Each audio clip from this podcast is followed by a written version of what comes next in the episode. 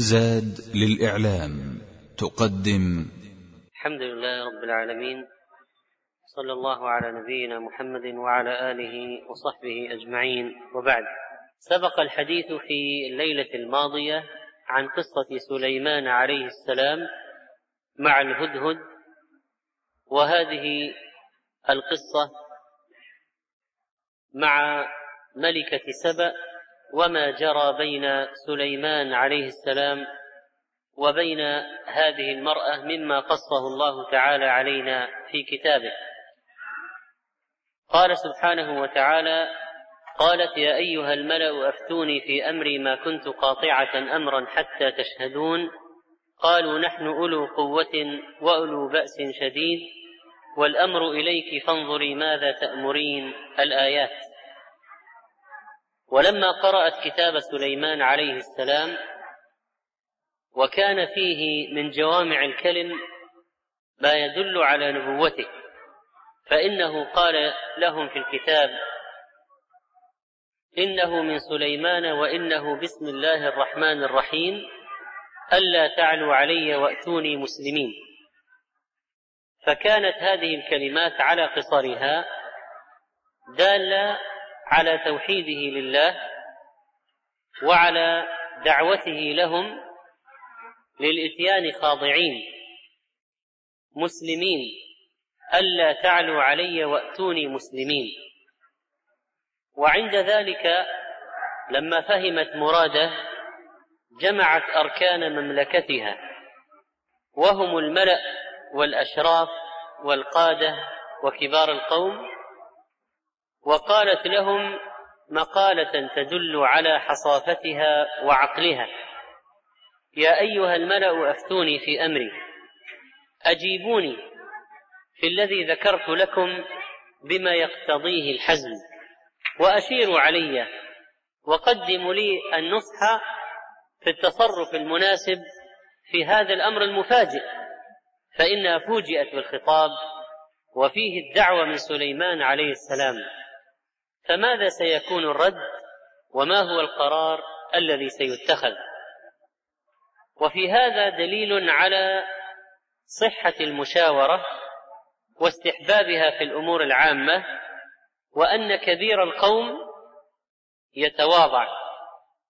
وقد قال الله سبحانه وتعالى لنبيه صلى الله عليه وسلم وهو أكمل الناس عقلا وأسدهم رايا ومؤيد بالوحي قال له وشاورهم في الأمر فهي استعانة بالآراء ومداراه للأولياء فإن أصحاب القائد يحسون بقدرهم وأهميتهم إذا شاورهم. وقد مدح الله تعالى الفضلاء بقوله وأمرهم شورى بينهم والمشاورة من الأمر القديم وخصوصا عندما تتعلق القضية بالحرب. وهذه المرأة إذا كانت وهي كافرة جاهلة تعبد الشمس مع قومها قد عرفت أهمية المشاورة فإنه حري بنا نحن أن نقبل هذا الأمر الرباني وأن نكون كما أمر الله في صفات المؤمنين وأمرهم شورى بينهم. وهذه القضية فيها بذل دماء وأموال. إنها مسألة مواجهة ألا تعلوا عليه. وأتوني مسلمين. وهو يريد منهم الخضوع والطاعة والانقياد. وهذه المسؤولية الملقاة على الكبير عندما يشاور من دونه ويقول لهم كما قالت هذه المرأة ما كنت قاطعة امرا حتى تشهدون؟ سيسبب التفاف من معها حولها وإقبال القلوب عليها لأنها تشاور وتقول لا يمكن أن أبت في الأمر أو أقطع برأي أو قرار دونكم. ويجوز للمستشير أن يخالف المستشار إذا لم يرى أنه أصاب الحق. لكن إذا رأى أنه أصاب الحق وجب النزول على رأيه وقبول ما أشار به. وهؤلاء الذين كانوا من حولها نلاحظ أنهم لم يتخذوا قرارا وإنما أبدوا استعدادهم وتركوا القرار لها مرة أخرى. قالوا نحن أولو قوة وأولو بأس شديد والأمر إليك فانظري ماذا تأمرين. فهم أبدوا بأسهم واستعدادهم للقتال وطمأنوها إلى قوتهم ولكنهم تركوا لها اتخاذ القرار أيضا. من فضلك اقلب الشريط. ولكنهم تركوا لها اتخاذ القرار أيضا. قال ابن كثير رحمه الله منوا إليها منوا إليها بعددهم وعددهم وقوتهم ثم فوضوا إليها بعد ذلك الأمر فقالوا والأمر إليك فانظري ماذا تأمرين أي نحن ليس لنا عاقة ولا بنا بأس إن شئت أن تقصديه وتحاربيه فما لنا عاقة عنه وبعد هذا فالأمر إليك مري فينا رأيك نمتثله ونطيعه. وقال الحسن رحمه الله تعليقا على هذا فوضوا أمرهم إلى امرأة تضطرب ثدياها فلما قالوا لها ما قالوا كانت هي أحزم رايا منهم وأعلم بأمر سليمان. يعني أنه ما كان للرجال أن يجعلوا هذه المرأة هي التي تتخذ القرار. لكن يبدو أنه كان فيهم شيء من النقص وأن هذه المرأة كان رأيها أحسن فإنها لم ترد المواجهة ولم تجد أن من ال ولم تجد أن القرار الصحيح هو إعلان الحرب على سليمان ولا قبل لها بجيوشه وجنوده وما سخر له وقد شاهدت من أمر الهدهد شيئا عجيبا ولذلك خشيت أن تحاربه. وإنه إذا كان له جندي بهذه الدقة يوصل الرسائل ويؤدي الأمانة فما البال بالبقية؟ ولذلك قالت إن الملوك إذا دخلوا قرية أفسدوها وجعلوا أعزة أهلها أذلة وكذلك يفعلون. لأنها لما رأت الخوارق وأمر الهدهد والكتاب فإن هذا الشيء يدل على قوة سليمان. ولذلك رغبت عن القتال. قال ابن عباس في تفسير الآية أي إذا دخلوا بلدا عنوة يعني بالقوة أفسدوه خربوه وجعلوا أعزة أهلها أذلة أي قصدوا من فيها من الولاة والجنود فأهانوهم غاية الهوان إما بالقتل وإما بالأسر. قال ابن عباس قالت بلقيس إن الملوك إذا دخلوا قرية أفسدوها وجعلوا أعزة أهلها أذلة قال الله وكذلك يفعلون. يعني أن عبارة وكذلك يفعلون هذه من كلام الله عز وجل وليس من كلام الله وليس من كلام بلقيس الذي نقله رب العزة إلينا. ثم عدلت إلى المصالحة والمهادنة والمسالمة والمصانعة وقررت عدم المواجهة وأنها تريد تجنيب بلادها ويلات الحروب وتجنب القتال. وأخبرتهم أنها تريد امتحان سليمان عليه السلام لتعرف هل هو جاد في دعوته أم هو رجل مصلحة. إن قضية إرسال الهدية هنا يمكن أن ينبئ رد سليمان عليها عن نوعية هذا الملك. هل هو يأخذ الأموال وقصده جباية هذه الأموال وتسكته الأعطيات أم أنه إنسان صاحب مبدأ وغاية وأنه لا هم له في المال؟ ولذلك رأت أن ترسل له بهدية. وينبغي على العاقل أن لا يحكم على الأمور بظواهرها وإنما يحكم عليها بعواقبها. فإن الأشياء قد تكون لها بوادر وظواهر في ظاهر الأمر مفيدة. ولكن عند التأمل يظهر العكس. ولذلك فلا بد من التأني. وبعض الأحيان قد يكون من الحكمة الإسراع في الأمر إذا هبت رياحك فاغتنمها فإن لكل خافقة سكون. قد يدرك المتأني بعض حاجته وقد يكون مع المستعجل الزلل. وربما فات قوما جل أمرهم مع التأني وكان الرأي لو عجلوا ولذلك الإنسان إذا عرض عليه خير فإنه يعجل. خير البر عاجله لا يسوي. لماذا؟ لأنه تبين له أنه خير. ما يحتاج إلى تاني يتانى في أي شيء. لو قيل له حي على الصلاة حي على الفلاح يقول اتانى وأفكر في الأمر؟ لا يحتاج الأمر إلى تفكير لأن القضية محسومة. لكن عندما يكون الشيء فيه تعارض بين المصالح مثلا أو بين مفاسد لا بد من ارتكاب أحدها فلا بد من التاني لا بد من الانتظار ليظهر الحق. وهنا يكون التأني مفيد يكون التأني مفيدا. قالت وإني مرسلة إليهم بهدية فناظرة. اذا ستنتظر ماذا سيرجع به المرسلون. قال ابن كثير رحمه الله أي سأبعث إليه بهدية تليق بمثله وأنظر ماذا سيكون جوابه بعد ذلك. فلعله يقبل ذلك منا ويكف عنا أو نضرب له خراجا أو نضرب له خراجا نحمله إليه في كل عام نكتفي به شره.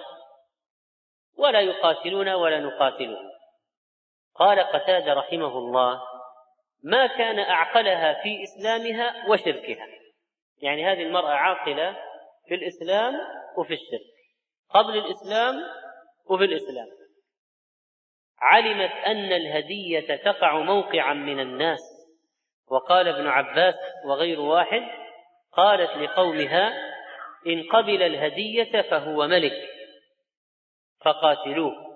وإن لم يقبلها فهو نبي فاتبعوه. فهو نبي فاتبعوه. وهذا يدل على حنكتها وأهمية الاختبار فناظرة بما يرجع المرسلون والعمل بالقرائن. وقد ورد في قصة سليمان مع المرأتين عندما خرجتا بوليدهما فأكل الذئب ابن الكبرى وادعت كل واحدة أن الآخر لها واحتكمتا إلى داود فقضى به للكبرى ولعله قضى به لأن الولد في يدها والأصل أن الشيء لمن هو بيده. فلما خرجت على سليمان وسألهما قال هات وسألهما ما الخبر؟ وأخبرتاه قال هات السكين أشقه بينكما. فقالت الصغرى فقالت الصغرى هو ولدها يرحمك الله. فعرف بالقرينة أنها ما دامت رضيت بتسليمه أن الحنان هذا للام الحقيقية وأن الشفقة التي حصلت للام الحقيقية وللهدية عظيم الأثر في النفس في استجلاب المحبة وإثبات المودة وتأليف القلوب وإذهاب الضغائن وهي دليل على الحب وصفاء القلوب وإشعار بالتقدير والاحترام. ولذلك قبل النبي صلى الله عليه وسلم الهدية وأثاب عليها قبلها من المسلم والكافر والمرأة وحث على التهادي فكم من ضغينة ذهبت بسبب هدية وكم من مصيبة اندفعت بسبب هدية وكم من صداقة جلبت بالهدية فهي الهدية تمليك عين للغير على غير عوض كما يعرفها الفقهاء. وهي مشروعة بين المسلمين. قال عليه الصلاة والسلام تهادوا تحابوا. وكان عليه الصلاة والسلام يعلن بأنه مستعد لقبول الهدية مهما كانت قليلة. قال ولو أهدي إلي ذراع أو كراع لقبلت وهو الذي عليه اللحم القليل. وقال عليه الصلاة والسلام يا نساء المسلمات لا تحقرن جارة لجارتها ولو فرسن شاة وهو العظم قليل اللحم. وهذا كله حض على قبول الهدية لما فيها من التألف والتأليف ولو كانت يسيرة والكثيرة لا تتيسر في كل وقت. ويزداد الأمر تأكيدا على عدم رد الهدية إذا كانت من الأشياء الخفيفة التي لا تكلف. ولذلك قال عليه الصلاة والسلام ثلاث لا ترد الوسائد والدهن واللبن. والدهن المقصود به ما هو؟ الطيب. الدهن هو الطيب. فهذه مثل الريحان خفيف المحمل طيب الرائحة. فينبغي عدم رد الهدية إذا ينبغي عدم رد الهدية إذا والهدايا بين الملوك لا شك أنها ستكون على قدر الغنى وتكون على قدر المكانة ولذلك فإنها أرادت أن ترسل بالهدية والعاقل الحصيف من يستج من يستعمل مع الخصوم ويستعمل مع الأقران أو الأعداء ما يكف بأسهم وعداوتهم. وهذه قضية المصانعة. المصانعة يحتاجها المسلم. في عدد من في عدد من الأحيان يكون لا قبل له بالمواجهة. وإذا كان لا قبل له بالمواجهة ماذا يفعل؟ يصانع. وهذه المصانعة فرق بينها وبين المداهنة. ومن الفروق أن المداهنة فيها تنازل عن أشياء من الحق. أما المصانعة فهي دفع للشر بما يمكن من الكلام الحسن والفعل الحسن. فأنت إذا دفعت شر صاحب شر بكلمة طيبة أو بهدية أو بخدمة مثلا هذه لا تسمى مداهنة وتنازل عن الحق. لكن عندما تقول الباطل من أجل فلان هذه لا تسمى مداراة مشروعة ولا مصانعة مشروعة. هذه مداهنة تقول باطل من أجل فلان أو فلان. هذه ليست مداراة شرعية. المداراة أنك تقول قولا أو تفعل فعلا فيه تألف لقلبه أو استجلاب لمودته أو دفع لعداوته. والإنسان يحتاج إلى هذا في مواقف كثيرة في حياته. فقد يحتاجه أحيانا حتى مع أقرب الناس يفعله مع الزوجة أحيانا مع بعض أولاده. مع بعض أقاربه أحيانا يفعله مع آه، إخوانه مع جيرانه مع أصحابه في العمل. يفعل ذلك. ولطالما استعبد الإنسان إحسانه. ونحن لا نريد أن نستعبد ولا أن نستعبد لكن أن نكف عنا الشر خصوصا من الحساد. لا يخلو لا يخلو جسد من حسد. والإنسان إذا كان له مكانة أو كان صاحب جاه أو غنى مال أو أو كان حتى صاحب مكانة علمية فإنه لا يخلو من حسد أن يحسده الناس على ما هو فيه من المنزلة. فهنا يصانعهم ويداريهم وتكون الهدايا لها فائدة كبيرة. حتى روى الحافظ ابن حبان البستي رحمه الله أن أبا حنيفة لما اشتهر وعلى صيته قال فيه بعض حاسديه كنا من الدين قبل اليوم في سعة حتى بلينا بأصحاب المقاييس.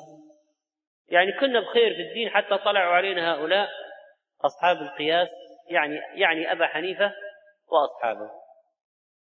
فبلغ ذلك أبا حنيفة فبعث إليه بهدية أجزل له فيها. فلما قبضها القائل لتلك العبارة ندم. وملكت الهدية قلبه فأراد أن يكفر عن فعله أو قوله السابق فقال إذا ما الناس يوما قايسونا بآوبة من الفتيا طريفة أتيناهم بمقياس صحيح مصيب من طراز أبي حنيفة إذا سمع الفقيه بها وعاها وأثبتها بحبر في صحيفة فانقلب من العداوة إلى المحبة. من الإيذاء إلى الإعجاب. إذا ما الناس يوما قايسونا بآوبة من الفتيا طريفة أتيناهم بمقياس صحيح مصيب من طراز أبي حنيفة إذا سمع الفقيه بها وعاها وأثبتها بحبر في صحيفة.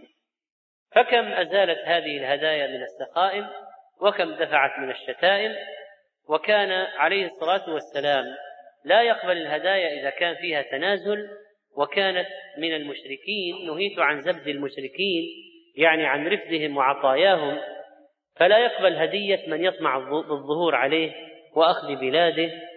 وبهذه الصفة كانت حال سليمان عليه السلام. فلو قيل لماذا رد سليمان الهدية؟ فالجواب أنه يريد أن يقول لهم أنا لست طامع في أموالكم ولا يسكتني عنكم الهدايا.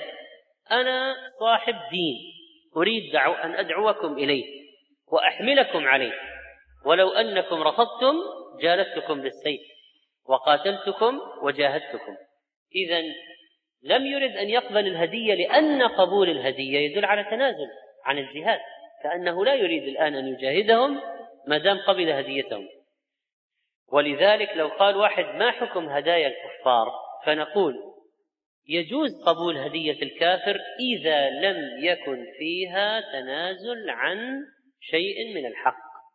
أو أنها أو أن قبولها إذا كان يعني إذا كان يعني سكوت عن منكر أو سكوت عن شيء يجب على المسلم أن يفعله إذا ما يقبل الهدية.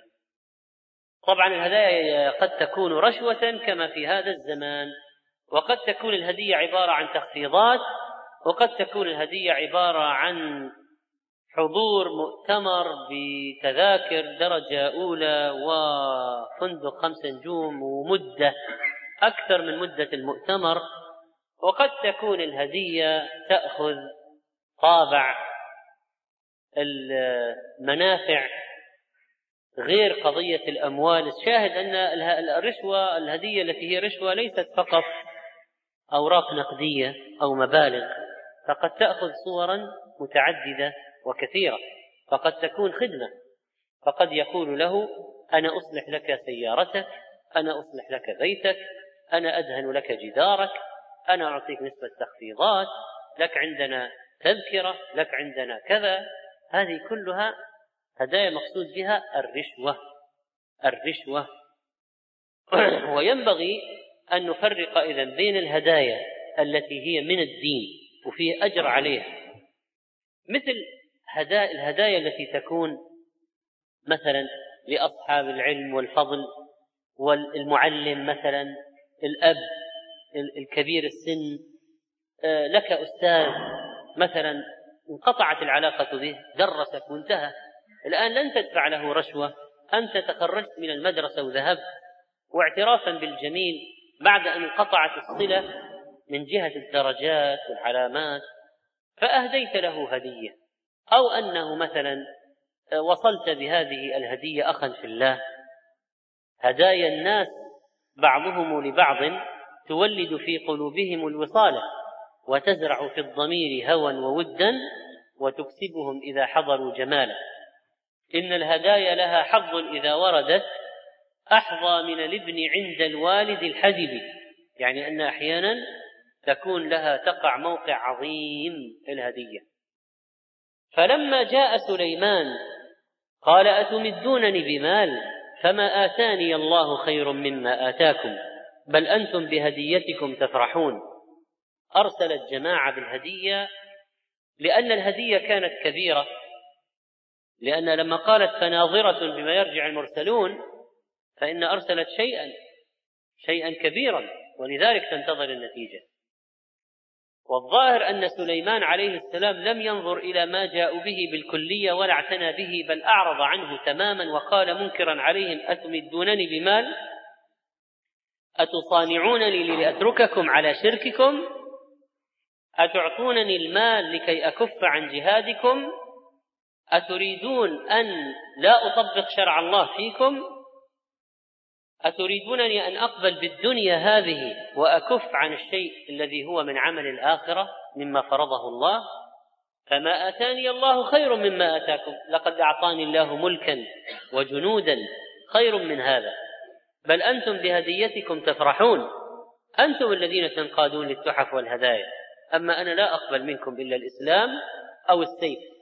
قال ابن عباس رضي الله عنه إنه قد أمر الجن الذين عنده بأن يصنعوا شيئا.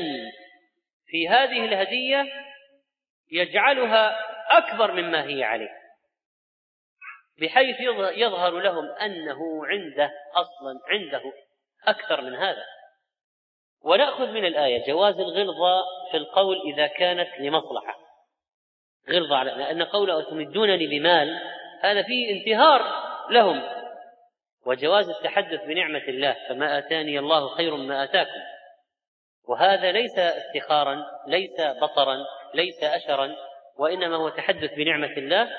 ثم مثل هؤلاء العدو من المهم أن تكثر نفوسهم ليعرفوا قدرهم وحقيقتهم.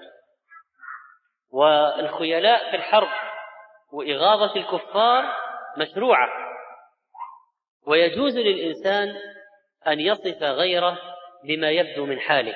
ولذلك قال بل أنتم بهديتكم تفرحون. وكذلك فإن الشخص الذي يلاحظ أن الهدية يراد بها يراد بها إسكاته عن حق أو إنطاقه بالباطل يجب عليه أن يرفض قال سليمان ارجع إليهم. فلنأتينهم بجنود لا قبل لهم بها ولنخرجنهم منها أذلة وهم صاغرون. خذ هديتك معك. ارجع بها. وهذا لا شك أنه خزي عظيم. عدم قبول الهدية وأنه ردها مع الرسل وانتظروا هجومي عليكم. فلنأتينكم بجنود لا قبل لهم بها. فلنأتينهم بجنود لا قبل لهم بها لا طاقة لهم بها ولنخرجنهم منها أذلة وهم صاغرون مهانون مدحورون.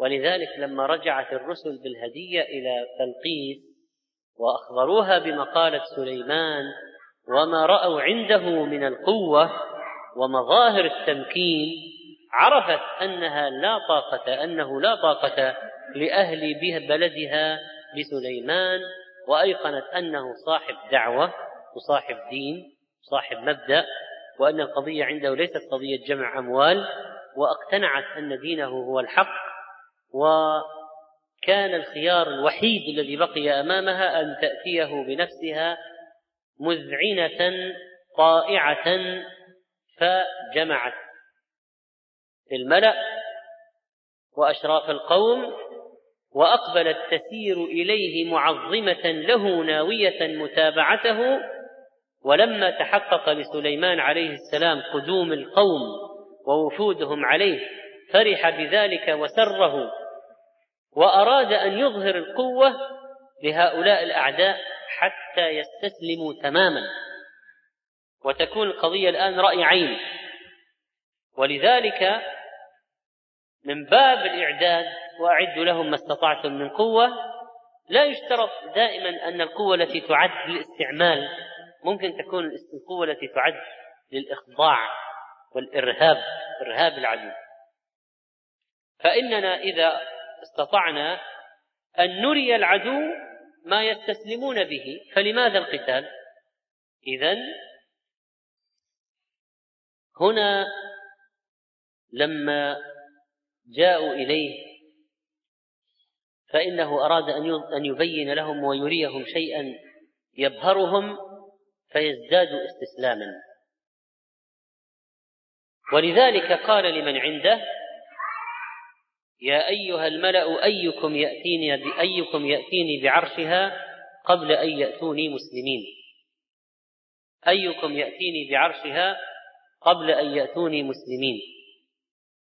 فجمع من عنده من الجن والإنس ممن تحت يده وطلب منهم هذا الطلب.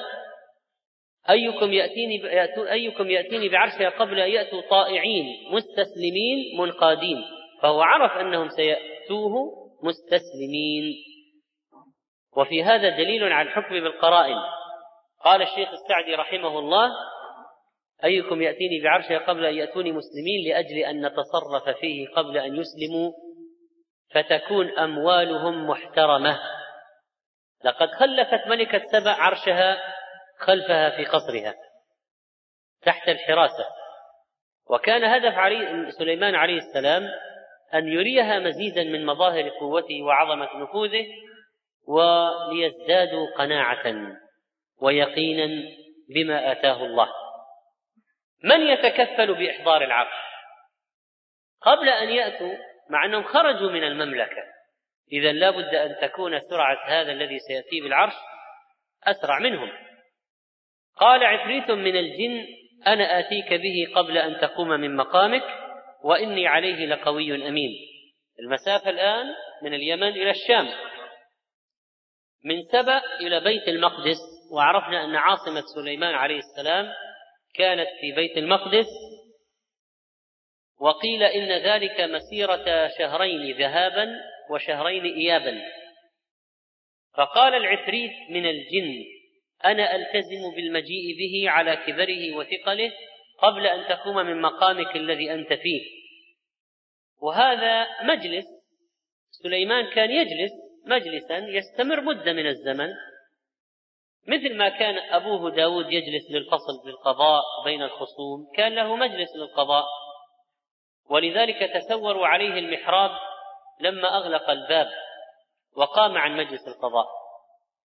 قال أنا آتيك به قبل أن تقوم من مقامك من هذا المجلس الذي أنت فيه وإني عليه لقوي أمين. والعفريت القوي النشيط جدا. ألا ترانا نقول إلى مثل هؤلاء الأولاد حفظهم الله؟ إنهم عفاريت. وإنهم الآن يلعلعون ويصوتون في المسجد فهؤلاء يتخذونه ملعبا فنقول عنهم عفاريت وعفريت فالعفريت هو القوي النشيط. قال أبو صالح وكان كأنه جبل. قال ابن عباس رضي الله عنه قبل أن تقوم من مجلسك من مقعدك آتيك به وإني عليه لقوي على حمله أمين على ما فيه من الكنوز. لأن العادة أن العروش كانت ترصع بالجواهر. وهنا لما أظهر هذا الاستعداد وادعى هذه هاتين الصفتين وإني عليه لقوي أمين. وهاتين الصفتين نذكرهما لموسى عليه السلام لما قالت المرأة ابنة الرجل الصالح في وصفه. إن خير من استأجرت القوي الأمين. والناس أربعة قوي أمين ضعيف خائن ضعيف أمين ضعيف خائن. وأسوأهم فعندنا قوي أمين وقوي خائن وضعيف أمين وضعيف خائن. فأحسنهم القوي الأمين وأسوأهم الضعيف الخائن. وقد ذكر شيخ الإسلام ابن تيمية رحمه الله كلاما مهما جدا في قضية الولايات وتولي قيادة الجيوش وغيرها ومن الذي يقدم؟ ولو و وذكر كلاما يؤخذ منه أنه إذا كان المهم في في المكان أو المنصب أو الوظيفة القدرة والقوة مثل قيادة الجيش ووجد في المسلمين ضعيف ثقة وقوي بصير بالحروب عليم بدروبها وخبير بأساليبها وقوي في بدنه. عليم بالقيادة لكنه فاسق. فاسق. يسمع الغناء يشرب الخمر. فأيهما يقدم؟ القوي ولو كان فاسقا فإن فسقه على نفسه أما قوته للمسلمين. أما قوته للمسلمين. فقد يوضع في مكان نتيجة ضعف معين يمر به المجتمع المسلم شخص ثقة الثقة فيه قليلة في الدين. ليس دينه بقوي لكنه قادر مستطيع عنده قوة تنفع المسلمين. وتكلموا في القضاء. من الذي يوضع؟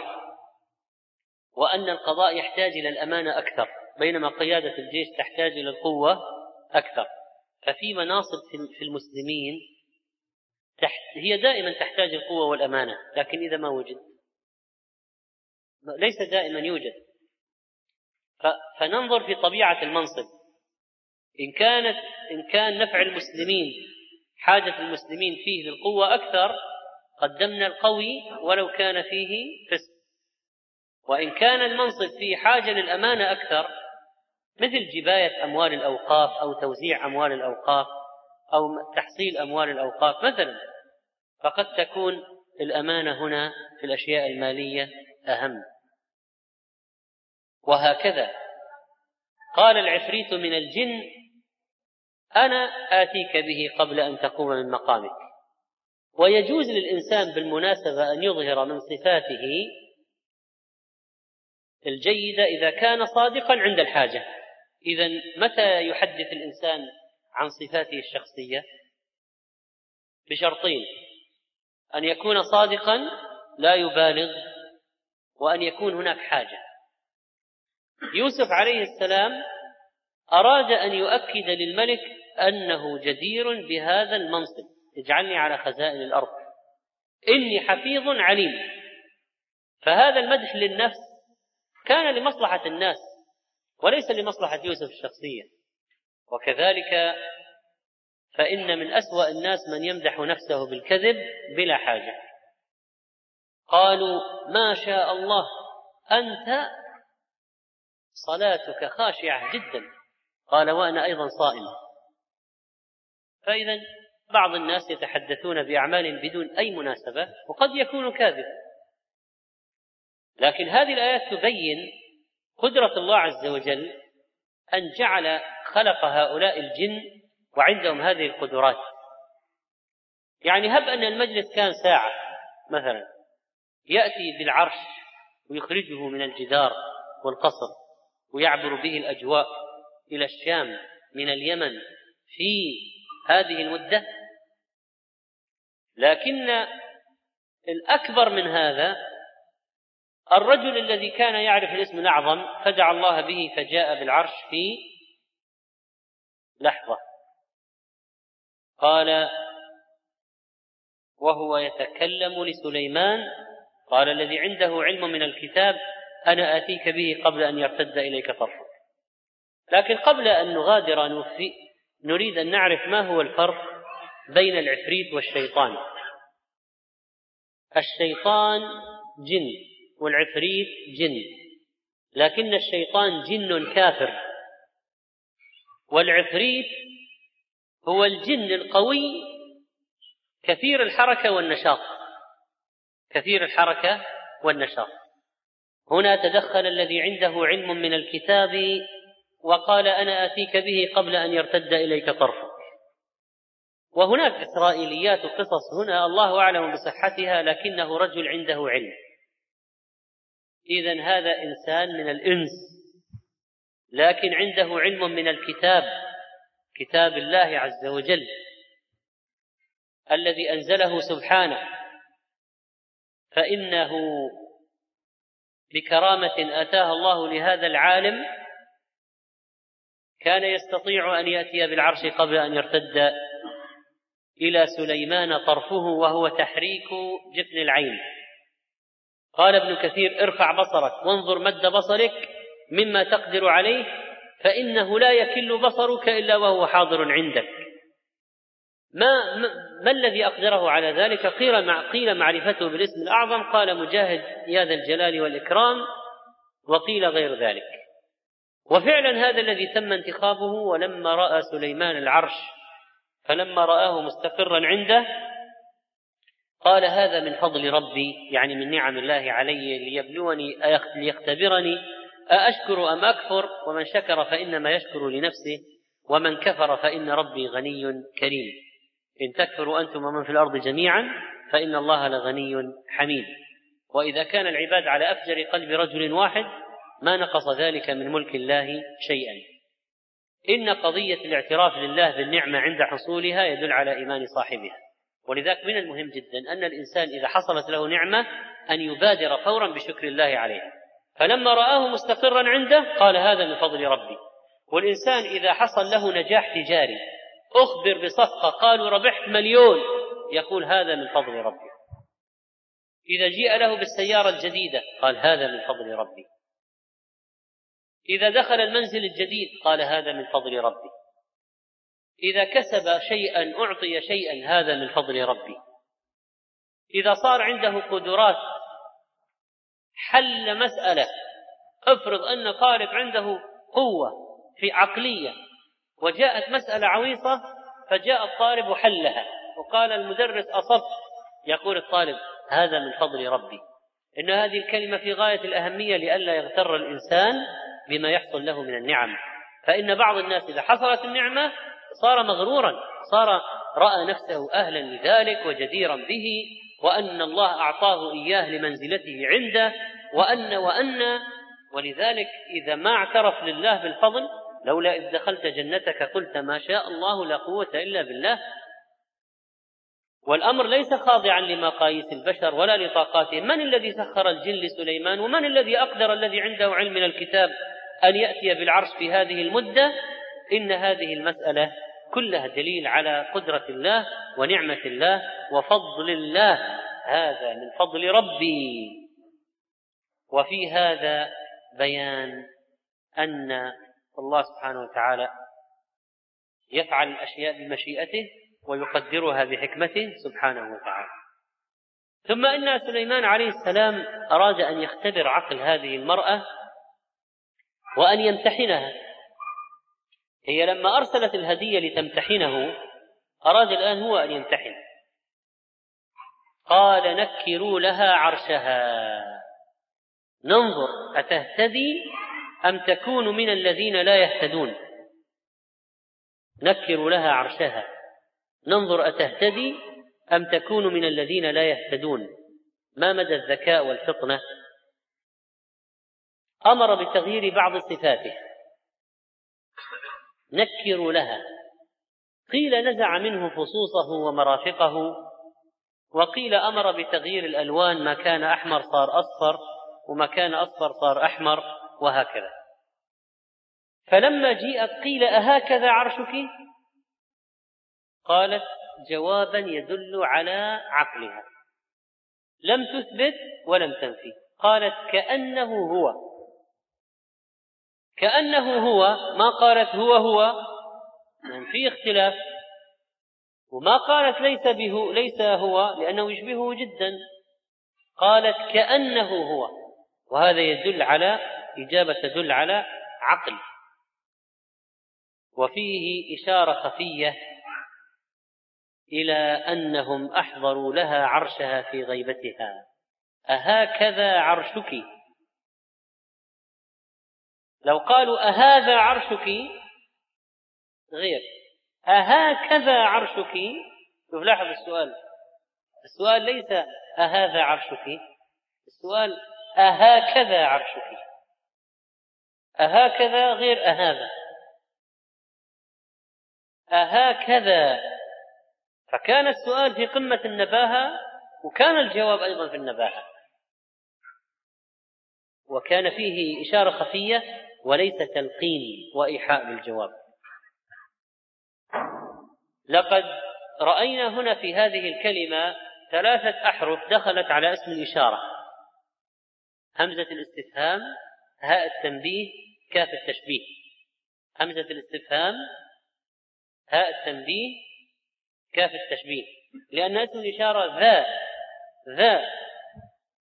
فرأينا الكلمة أهكذا أهكذا سؤال في غاية في غاية الفطنة ومعناه دعوتها إلى إمعان النظر في العرش الموجود أمامها وملاحظة أوجه الشبه بينها وبين عرشها الذي تركته وراءها في قصرها ونظرت ملكة سبأ بإمعان إلى العرش.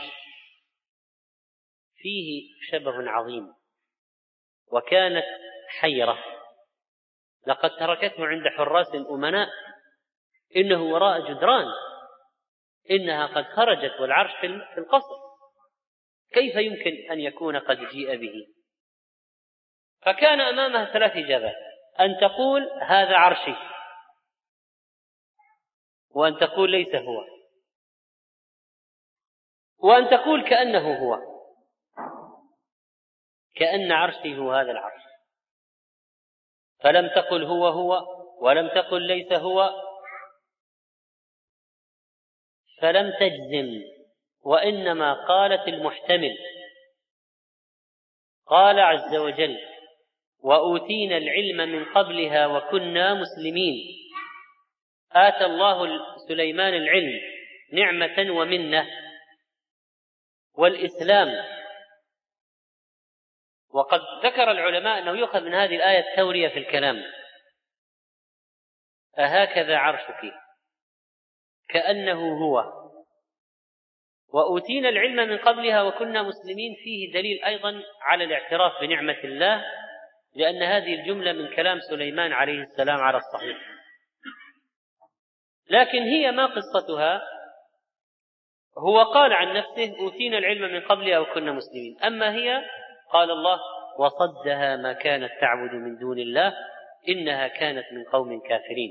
فلم تؤت العلم ولا الإسلام بل صدها عن الإسلام من قبل الآلهة الباطلة التي كانت تعبدها من دون الله وصدها ومنعها ما كانت تعبد من دون الله إنها كانت من قوم كافرين. وبينما كانت ملكة سبأ تعيش تحت تأثير الدهشة من هذا العرش المشابه جدا لعرشها إذا بشيء آخر مدهش جدا مفاجأة وراء مفاجأة وأشياء مذهلة وتتابع في الأعاجيب أن سليمان قد هيأ لها صرحا ممردا من الزجاج. فلما رأته حسبته لجة وماء وكشفت عن ساقيها لتخوض إليه. قال إنه صرح ممرد من قوارير لا حاجة للكشف امشي عليه. فعند ذلك استسلمت. استسلاما كاملا. هذا العرش وهذا الصرح الممرد من الذي يقدر على مثل هذا؟ إلا شيء شخص أقدره الله على ذلك. صارت قضية معجزات الآن. ما المسألة ما هي قضية؟ ليست الآن قضية معجزات. لم يكن قصرا من حجارة وطين وإنما كان من زجاج متين وأمر الشياطين فبنوا له القصر العظيم من الزجاج قصر من زجاج. فإذا قالوا لك إن هناك قصور اليوم تحت البحر مبنية من الزجاج فقل لهم قد سبقكم إليها سليمان فبنى ما هو أكبر وأعظم. إنها الطريقة العجيبة المثيرة. إن الناظر القادم يحسبه ماء ولكنه في الحقيقة من زجاج فأراها من عز الملك والسلطان ما أرغم أنفها وجعلها ذليلة منقادة مستسلمة وهي ملكة عندها. الله قال في أول القصة وأوتيت من كل شيء. ليست ملكة بلقيس بلقيس هذه ليست يعني آه، دولة فقيرة. لا لا قال وأوتيت من كل شيء. وهذا يبين لنا أن قصد سليمان لم يكن تباهي وإنما قصد إخضاع. هؤلاء بالشيء الذي يعرفون. يعرفون المستويات يعرفون النعم والنعيم يعرفون الأموال. ناس عندهم أبهة ليسوا ضعفاء لكن رأوا شيء يفوق بكثير. وعندما يرى الإنسان شيء يفوق بكثير يستسلم. ألا ترى أن المحتالين النصابين إذا أرادوا أن يوقعوا شخصا في شرك وفخ يدعونه إلى يأتونه بسيارة فارهة ليأخذوه إلى فندق فخم جدا وضيافة فارهة جدا فيقول هؤلاء أكيد شركة قوية جدا فيوقع معهم فإذا هو مأكول. لذلك قضية إظهار مثل هذا يؤدي إلى نوع من الاستسلام. وبالرغم من ما أتاها الله من قبل وبالرغم من حطمتها وحصافتها إلا لم تكن تقدر أن تقاوم ما رأت. إنه صرح ممرد أملس. ممرد. ومنه الأمرد الذي لا شعر له ولا ورق به. القوارير الزجاج مفرد قارورة مفردها والراجح أن القارورة مشتقة من قور والتقوير خرق الشيء من وسطه والصرح الممرد من قوارير مقور زجاج مبني من زجاج مقور في وسطه. يعني خذ هذه يعني هذا المدهش. يعني لما قال صرح ممرد من قوارير ما هي القوارير؟ قارورة. قارورة مأخوذة من إيش؟ من قورة. قور مقور ما هو المقور؟ الزجاج ال... الذي هو مقور في وسطه. طبعا وأعظم من هذا ولا يقارن أن المؤمن في الجنة له خيمة من درة مجوفة كما أخبر عليه الصلاة والسلام. درة مجوفة. أكبر ألماسة في العالم كم اقاسها هل تتجاوز قبضة اليد؟ لكن المؤمن في الجنة له خيمة من لؤلؤة مجوفة فيها أهلون لا يرون الأهلين الآخرين. في كل زاوية أهلون لا يرون الآخرين.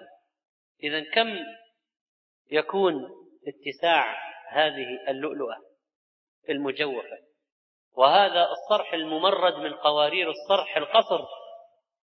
الممرد من قوارير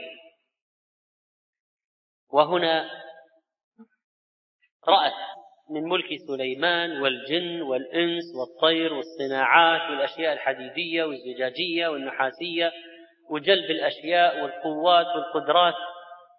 قالت رب إني ظلمت نفسي. استسلام. وأسلمت مع سليمان لله رب العالمين. وفي هذه القصة قالوا إن الأصل أن المرأة تستر ساقيها. وأن من الدهشة خالفت ما ينبغي أن تكون عليه. يعني طبعا من الفروق بين الملكات اللي من زمان يعني هي آه، ملكة سبأ كافرة صح ولا لا؟ بس ما كانت لابسة لبس فيه قلة أدب أو قلة حياء يعني غطت مغطية عن غطت ساقيها بالتأكيد. ولما جاءت من الذهول نسيت شافت فيها ماء كشفت عن ساقيها. فإذا كانت كانت الساقان بالتأكيد كانت غطت ساقيها. وصار هنا قضية الكشف لهذه الحاجة.